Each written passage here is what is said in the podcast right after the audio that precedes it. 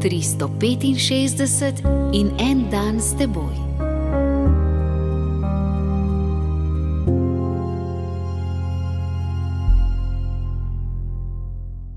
Iz pisma Efežanom, peto poglavje, 22. in 25. vrstica, šesto poglavje, prva vrstica. Žene naj bodo podrejene svojim možem, kakor Gospodu. Možje, ljubite svoje žene, kakor je Kristus vzljubil crkv.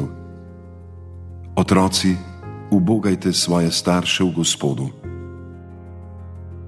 Mlada nevesta je trmasto ustrajala. Na svoji poroki tega berila nočem slišati, ker je starokopitno.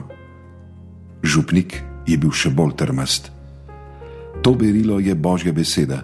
Če ga ne sprejmete, cerkvene poroke ne bo. Ni bilo lahko prepričati nevestico, da je odlomek vse prej kot starokopiten. Pravi oznanjevalci evangelija sledijo božji pedagogiki in ne odstranjujejo ovir, kakor da bi rili z buldožerjem. Evangelskega sporočila ne usiljujejo, semena božje besede usejejo na vrtu ljudi in čakajo, da vskalijo in zrastejo. Apostol Pavel ni mogel govoriti o enakopravnosti moških in žensk, ker ga ne bi razumeli.